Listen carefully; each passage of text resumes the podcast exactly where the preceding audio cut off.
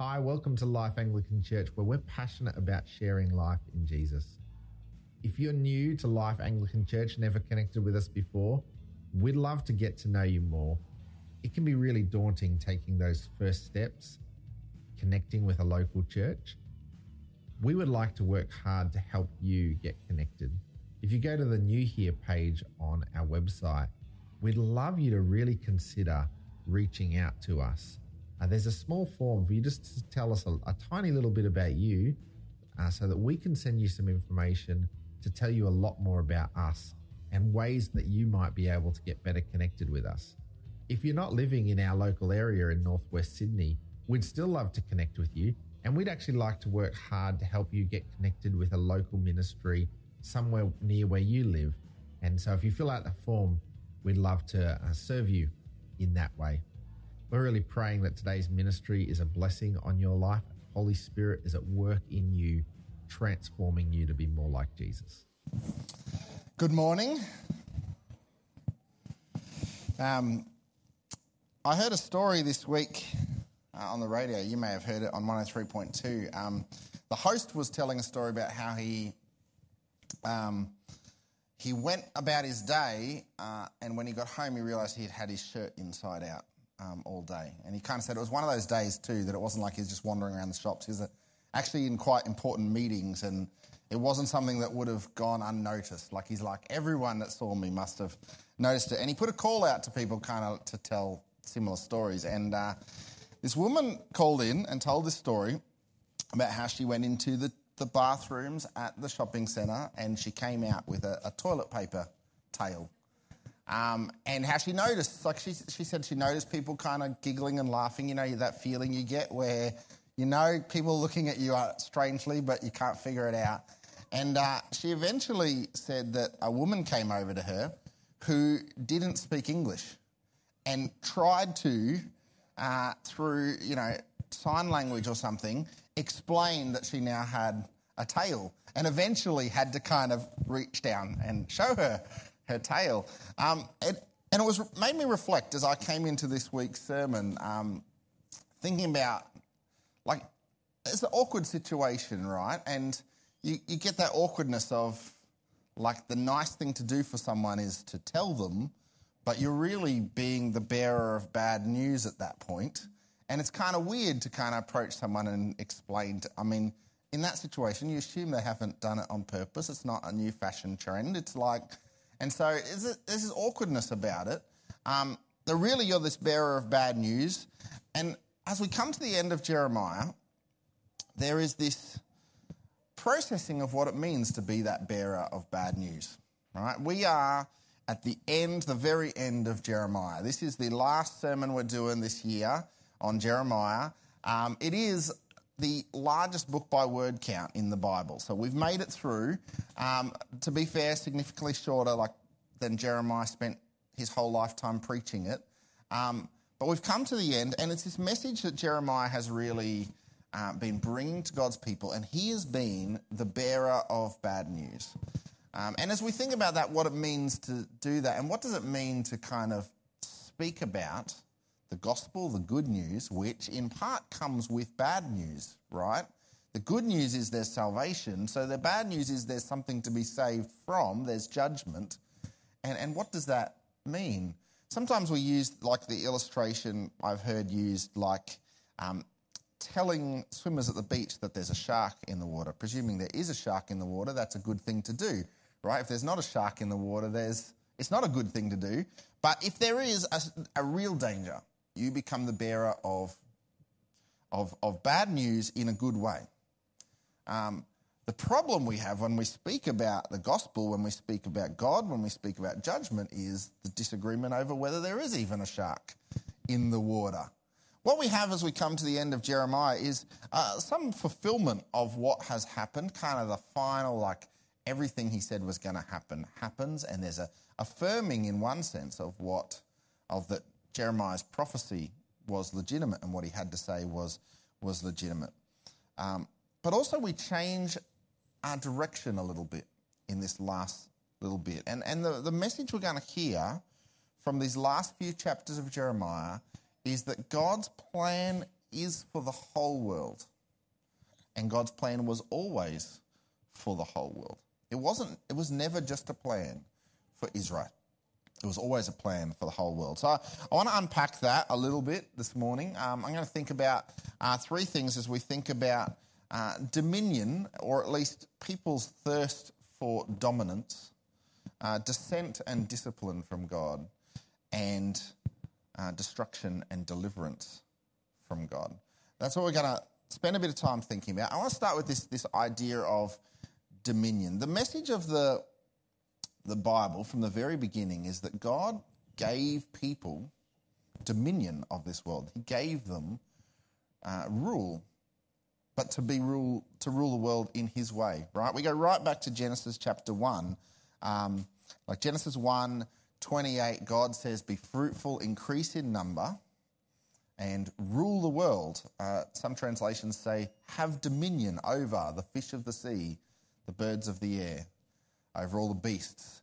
Uh, so God has given people that role of ruling, right, to have dominion. The problem is, and we follow this story through the Bible, is this constant thirst for dominance. This thirst that mankind has to say, I don't want to rule things God's way. I want to rule them my way. I want to be my own kind of God. And that is uh, what we see in the temptation with the serpent in the Garden of Eden. He says, if you eat it, you will be like God. That's the temptation. That's what Eve is attracted into. This idea that I don't want to submit to God, I want to be my own ruler and rule things my way. There's a similar message we see right from the beginning of the message of Jeremiah. Jeremiah is saying to God's people, You've given responsibility to live God's way. But Israel are choosing to live their own way. So we get right back at the start. Jeremiah chapter 2, God is speaking. Jeremiah speaks the words of God, and this is what God is saying I brought you into a fertile land to eat its fruit and rich produce, but you came and defiled my land and made my inheritance detestable. How long, uh, long ago you broke off the yoke and tore off your bonds. You said, I will not serve you. This is the message Jeremiah has for God's people that you have, they are not living the way they should. They are living their own way. They're not living the way God wants them to. And, and the truth is, as we process this, we see a similar wrestle for ourselves. This idea of wanting to be our own rulers and live life our way, arrogantly asserting our independence from God. Um, Susie and my daughter Olive uh, has recently really kind of struggled with this idea. Um, she is really dirty on Adam and Eve, right? for stuffing it up for everyone. Like she is, this just comes up regularly in conversation. Like I mean regularly, like for the last, uh, what is it? It's been like months um, that this comes up. And Susie said it to me last night. Said Olive said this, and I was like, she she asked me the same question yesterday. The question is, what if Adam and Eve didn't sin? Would, like, would it be? Why did they do that? Or the other question yesterday was, what if only one of them did it? And I said, well, girls are typically naughtier than boys. so I, th- I didn't actually say that. I was thinking afterwards I should have said that. Um, and we try to kind of work through with her um, the idea that God wants uh, family, not slavery. Um, I did kind of try to go through the analogy of, um, you know, do I want children, not robots? Then I did turn around and say, actually, robots would be much more obedient and that would be much better, not children that are always complaining. Um, but try to explain that idea that God is after more than just kind of some, uh, he, want, he wants relationship. He, he created us in his image, that there is this uh, relationship there. But with it comes the consequences of uh, us turning away from God. Uh, and what's clear in the Bible is that's not an afterthought from God. It wasn't He set us up for failure and had no plan. The plan from the beginning was that God was going to bring uh, salvation. But this is the pattern we see that we were given, mankind is given dominion but mankind thirsts for dominance, and it is what results in sin.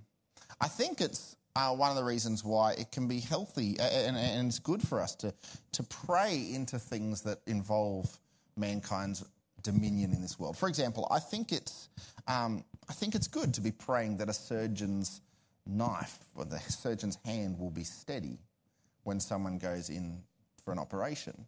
I don't think it's saying uh, that if we pray that the surgeon's hand will be steady, that we're now not longer, no longer trusting God, but we're trusting a surgeon. No, we're actually committing that to God. I think it's good for us to pray that medication will treat a condition or the right medication will be found. What is wrong and what is uh, sinful is when we take that next step of assuming that mankind can solve our own problems and that we have it all under control and we disregard God completely. That is where we fall into a place where we're no longer uh, trusting in Him and living His way, but seeking our own dominance.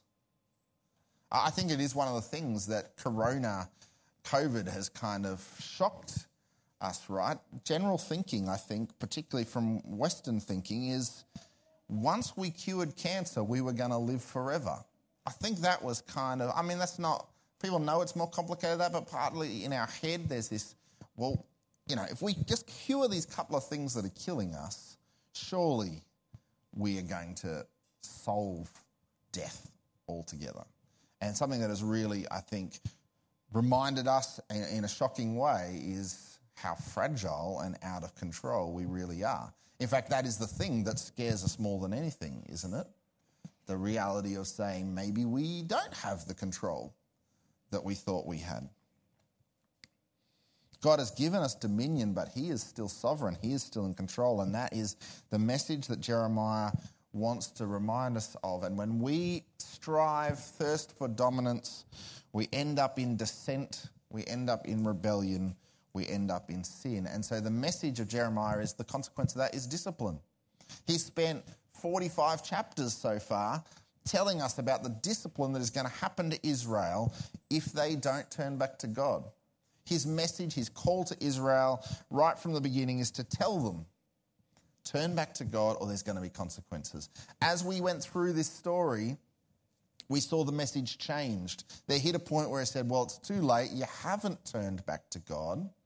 Now the warning is Babylon's going to come. They're going to drag you out of your land. The new command is go with it. That is God's decision. That's what's happening. Go with it. Go into Babylon. You will be safe in Babylon. Don't try stay in Jerusalem. It's going to be a disaster for you. And so we see that happen.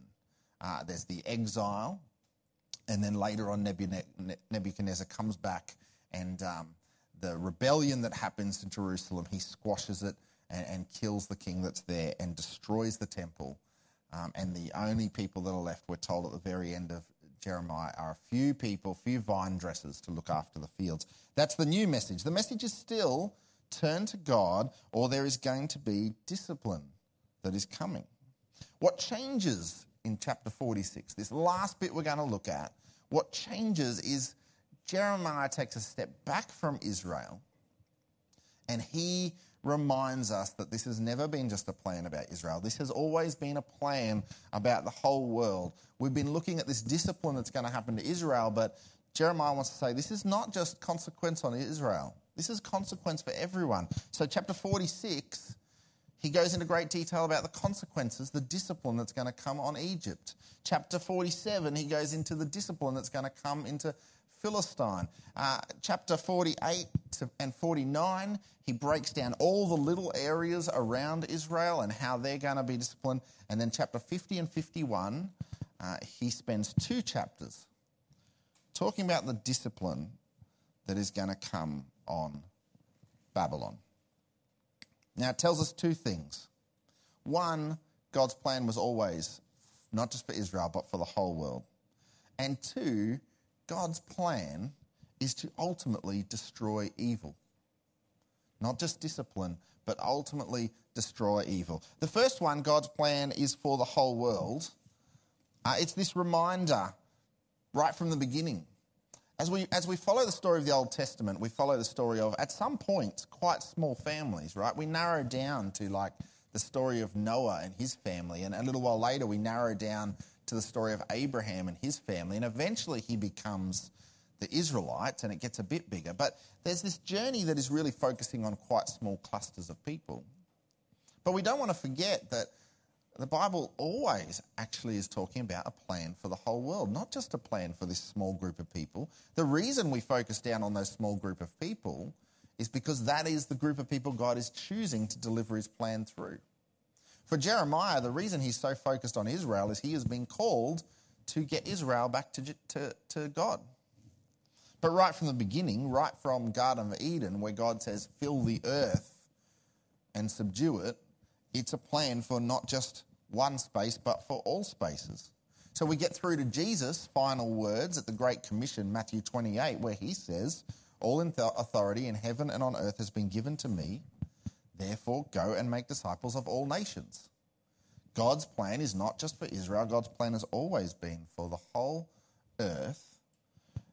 And so you get the last book of the Bible, you get Revelation, and you get Revelation 7, where there's this picture. So John John has this vision of heaven, and the vision is people from every nation, tribe, and tongue declaring salvation belongs to our God. Right from the beginning of the Bible to the end of the Bible, God's plan has always been about the whole world. So Jeremiah takes a step back from his role to Israel, and he reminds us of that. And he also reminds us that God has an ultimate plan to destroy all evil. I think one of the questions that um, comes up for me as I read Jeremiah is not, you know, as, as you read all this stuff about judgment, it's not the question why uh, does bad things happen to good people. The question in Jeremiah is the opposite. For me, it's why do good things happen to bad people? Why does Babylon get to benefit so much? Uh, why Israel is being disciplined for their disobedience from God. But Babylon is certainly not a God honoring nation. Far more, you would argue, than, than Israel. At least Israel, we see these moments of them trying to follow God. And Babylon just seems to be a nation that is following another God. Why is other gods, why do good things get to happen to those bad people? Maybe we can understand why bad things are happening to the rebellious Israel. But why are good things happening to bad people? The message Jeremiah tells us towards the end here is God has a plan to rid all evil, and the story is Babylon's time will come. Here, Babylon is being used as a discipline tool against Israel. But Babylon's time will come. Egypt's time will come. Um, and, and the time goes on as we look at other nations. Uh, God has a plan to rid the world of, of all evil. And so we take that little bit of a step back and we see that happening in Babylon. And what's really powerful in the message of Jeremiah is that God is in control. It's actually, there's some strange language in Jeremiah about how God calls Babylon his servant or his weapon or his tool. It's quite confronting. You imagine Jeremiah is talking to uh, Israelites who are God's people and hold great identity in being God's people. And Jeremiah says, God is now calling Babylon his servant, not Israel his servant. Uh, how confronting that must be to have, to have that kind of language. God actually says, Babylon, my servant, is going to come and bring this discipline. And what that tells us is how sovereign and how in control God is over this that is happening. That He is uh, uh, not just allowing evil to happen, but He is completely in control over what is happening at this time. In fact, we get this great uh, verses in the next chapter, chapter 51. This is what God says to Babylon. He says, You are my war club, my weapon for battle. With you I sh- shatter nations. With you I destroy kingdoms. With you I shatter horse and rider. With you I shatter chariot and driver. God is so in control that he sees this as his tool of discipline. But then we see a clear message that their time will come. He goes on to say, I am against you, you destroying mountain. You who destroy the whole earth, declares the Lord. I will stretch out my hand against you, roll you off the cliffs, and make you a burnt out mountain. The message is Babylon has had this moment where they think they're in control. They think that they're doing, that they've got everything in their hands. But God says, no, even their time is going to come. Even they will suffer judgment and discipline. And what we see here is uh, Jeremiah setting up Babylon as an archetype for uh, superpower, superhuman superpowers. He's setting it up as a pattern of what God sees human superpowers and their rise and fall. Right? And so it's not just Babylon he's talking about here. In Jeremiah's language, he's talking about something far bigger than Babylon. He's actually talking about all who might come in the wake of Babylon to be powerful in their own right and try to be humanly strong. Right, listen to this. This is, this is words that he says about uh, Babylon. Jeremiah 50, 23. You broken, uh, how broken and shattered is the hammer of the whole earth. This is the picture he gives of Babylon. Now, it's not a true picture of what we. Babylon is a big empire at the time, but it's certainly not this picture of the whole earth. How desolate is Babylon amongst the nations? Jeremiah has stepped even bigger than just thinking about this nation and thinking about the pattern of nations that rise up to be superpowers. We see this throughout the Bible. In fact, we see Babylon as a nation used as that pattern. In fact, arguably, it first appears in the Bible in the Tower of Babel. Right? I, I grew up pronouncing it as Babel, um, but I know some pronounce it as Babel, and I actually think it's a better way to think about it. You remember the story of, of Babel? Uh, this group of people gather together early in, in Genesis. They say, Let's build this tower so we can be greater than God. So there's this initial kind of desire for a nation to be greater than God. And eventually, God confuses their language, which is why I think Babel is a good word for it, because it says what it is. In fact, the, the, the Hebrew word actually means that as well. Uh, but also, I think Babel's a good name for it because it's, we later on see this rise of Babylon. And uh, it's even thought by many scholars that the Tower of Babel was in Babylon. Uh, but by that point, Babylon hasn't been really referenced. But as scripture goes on, Babylon keeps popping up again and again, not in physical sense, but actually in uh, uh, archetype of this pattern of superpower, human superpowers. And so we get all the way to the end of the Bible we get to Revelation, uh, Revelation 18, uh, where this is the picture John uses. Now, he's quoting Isaiah, because Isaiah does the same thing with Babylon. He's quoting Isaiah, but you could hear these exact words resound in some of what we read in Jeremiah. He says, After this, I saw another angel coming down from heaven. He had great authority, and the earth was illuminated by his splendor. With a mighty voice he shouted, and this is the message Fallen, fallen is Babylon the Great. This picture of human superpowers that are going to come within control of uh, Jesus, that is going to meet their destruction.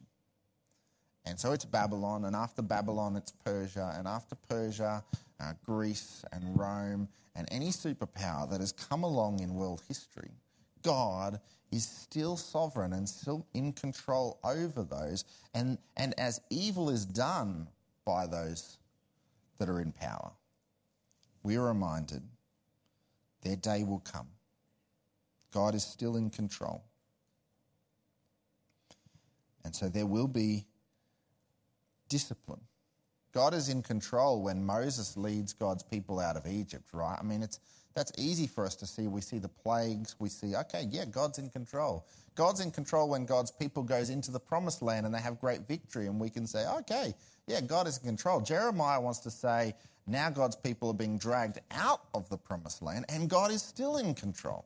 And the same thing is true when we go through times where we feel like, where is God and what is He doing? And why does good things happen to bad people? Why do evil corporations and business people that are dishonest, why do they do well while it feels like at times the honest get hard done by? The answer is God is still in control in all this. He is working His plans, and His plans are for His glory, that He is glorified.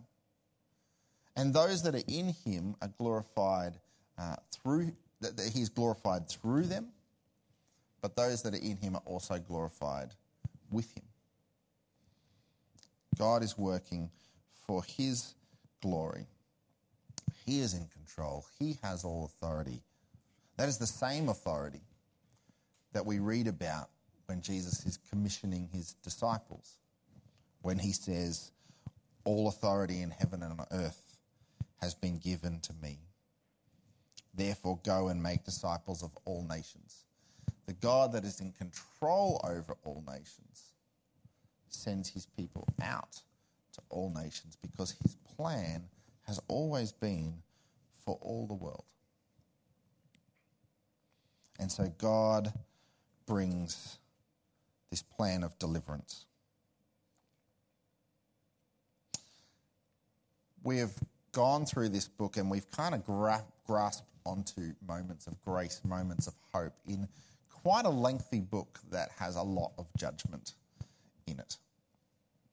And uh, in part, we want to do that, not just because we want to always look on the bright side, but we are in a different place than Jeremiah is. Jeremiah is in a place where he is uh, facing uh, the, the judgment that is imminent on Israel and he's looking forward to this somewhat distant hope of salvation that is to come.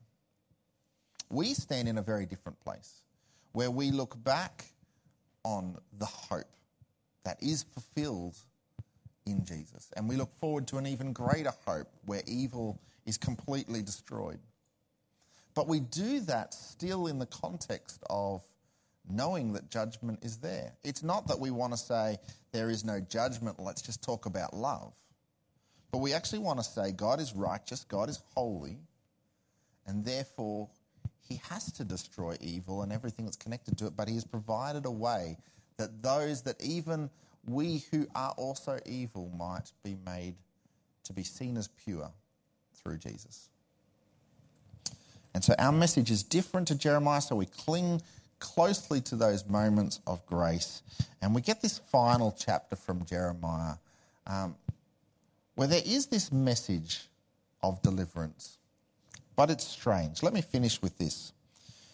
The last chapter of Jeremiah is almost like an appendix to the, the rest of the book. In fact, it's almost like two appendixes, and it's it's questioned whether Jeremiah dictated this last bit or um, Baruch, Baruch, who was writing down Jeremiah's words, uh, added something of his own to the end. It's this kind of description. Two things, two stories happen. One is the destruction of Jerusalem and the destruction of the temple. And what we see very clearly there is everything Jeremiah said was going to happen happens.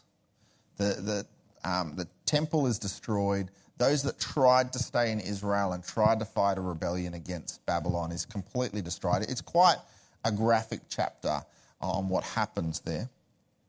And the message is Jeremiah was right, and therefore everything he said came was fulfilled, and, and what he said was definitely from God. There's another story, a strange story about the king Jehoiachin, which is confusing because his father was King Jehoiakim, and this is Jehoiachin. I don't know, as parents, I don't know what they're thinking, right? Um, like it just seems like you're just setting yourself up for, for trouble. So he's also known as Jeconiah. I don't know if that's like we just could never separate him from his dad's name, so we just started, we gave him another name and he's called Jeconiah.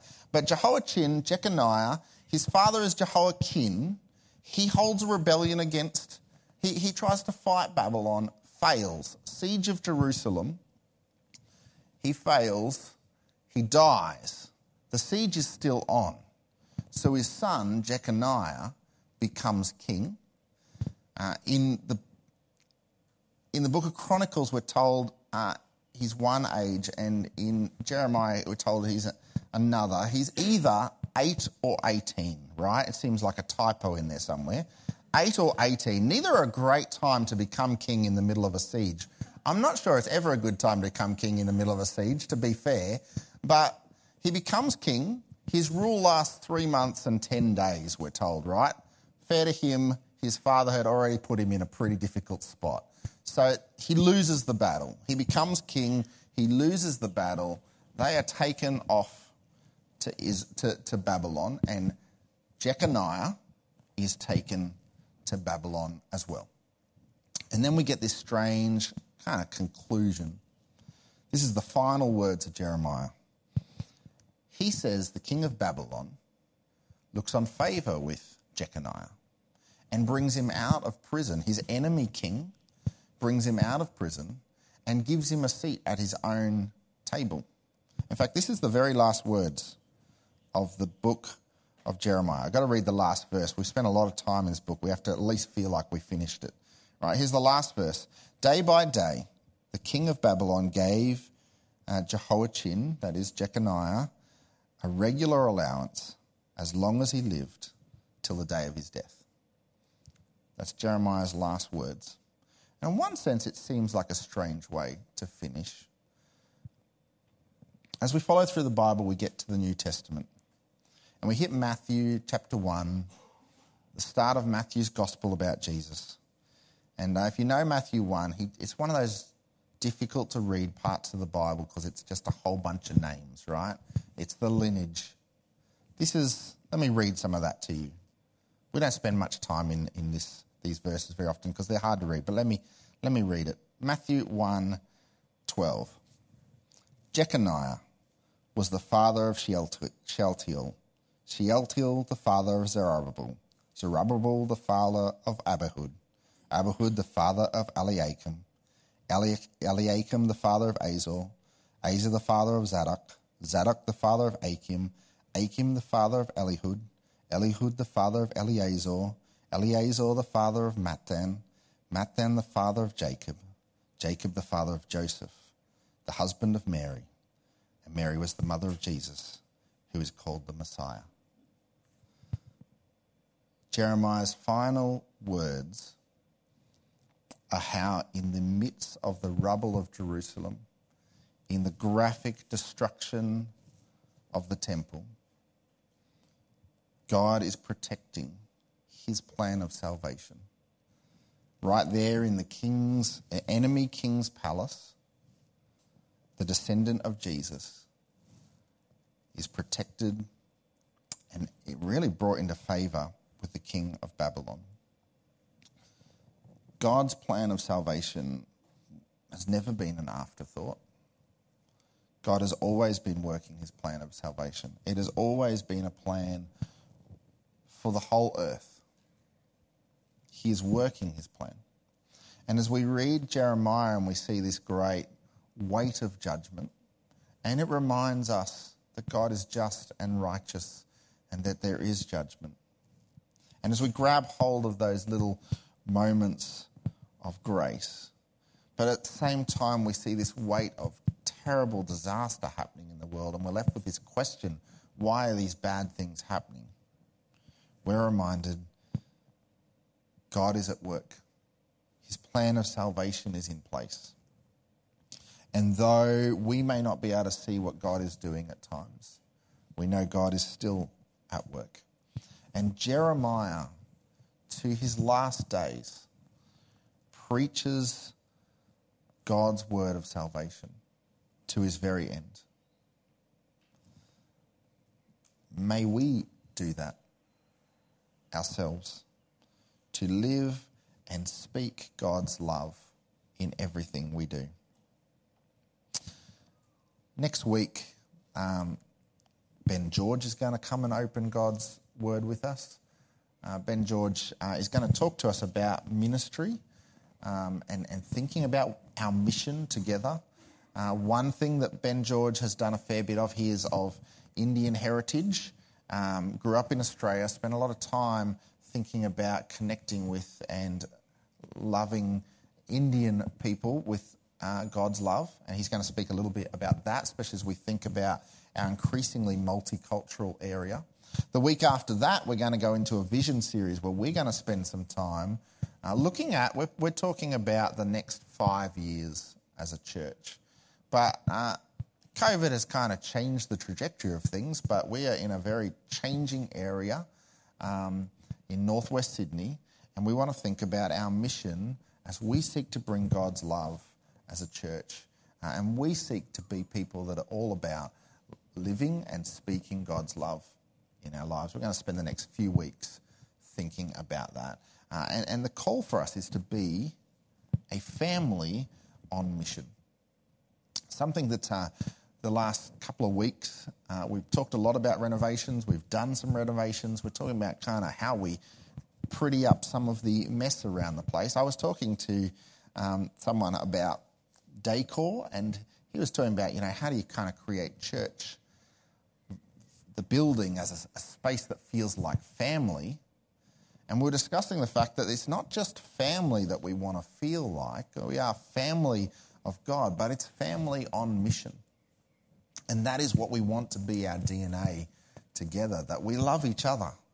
We love each other as we love others, as we bring good news of Jesus. That's what we want to be about. We're going to spend some weeks, uh, uh, now that we've finished the Jeremiah series, going to spend some weeks thinking about that so that we, like Jeremiah, might be a people that are all about sharing God's plan of salvation.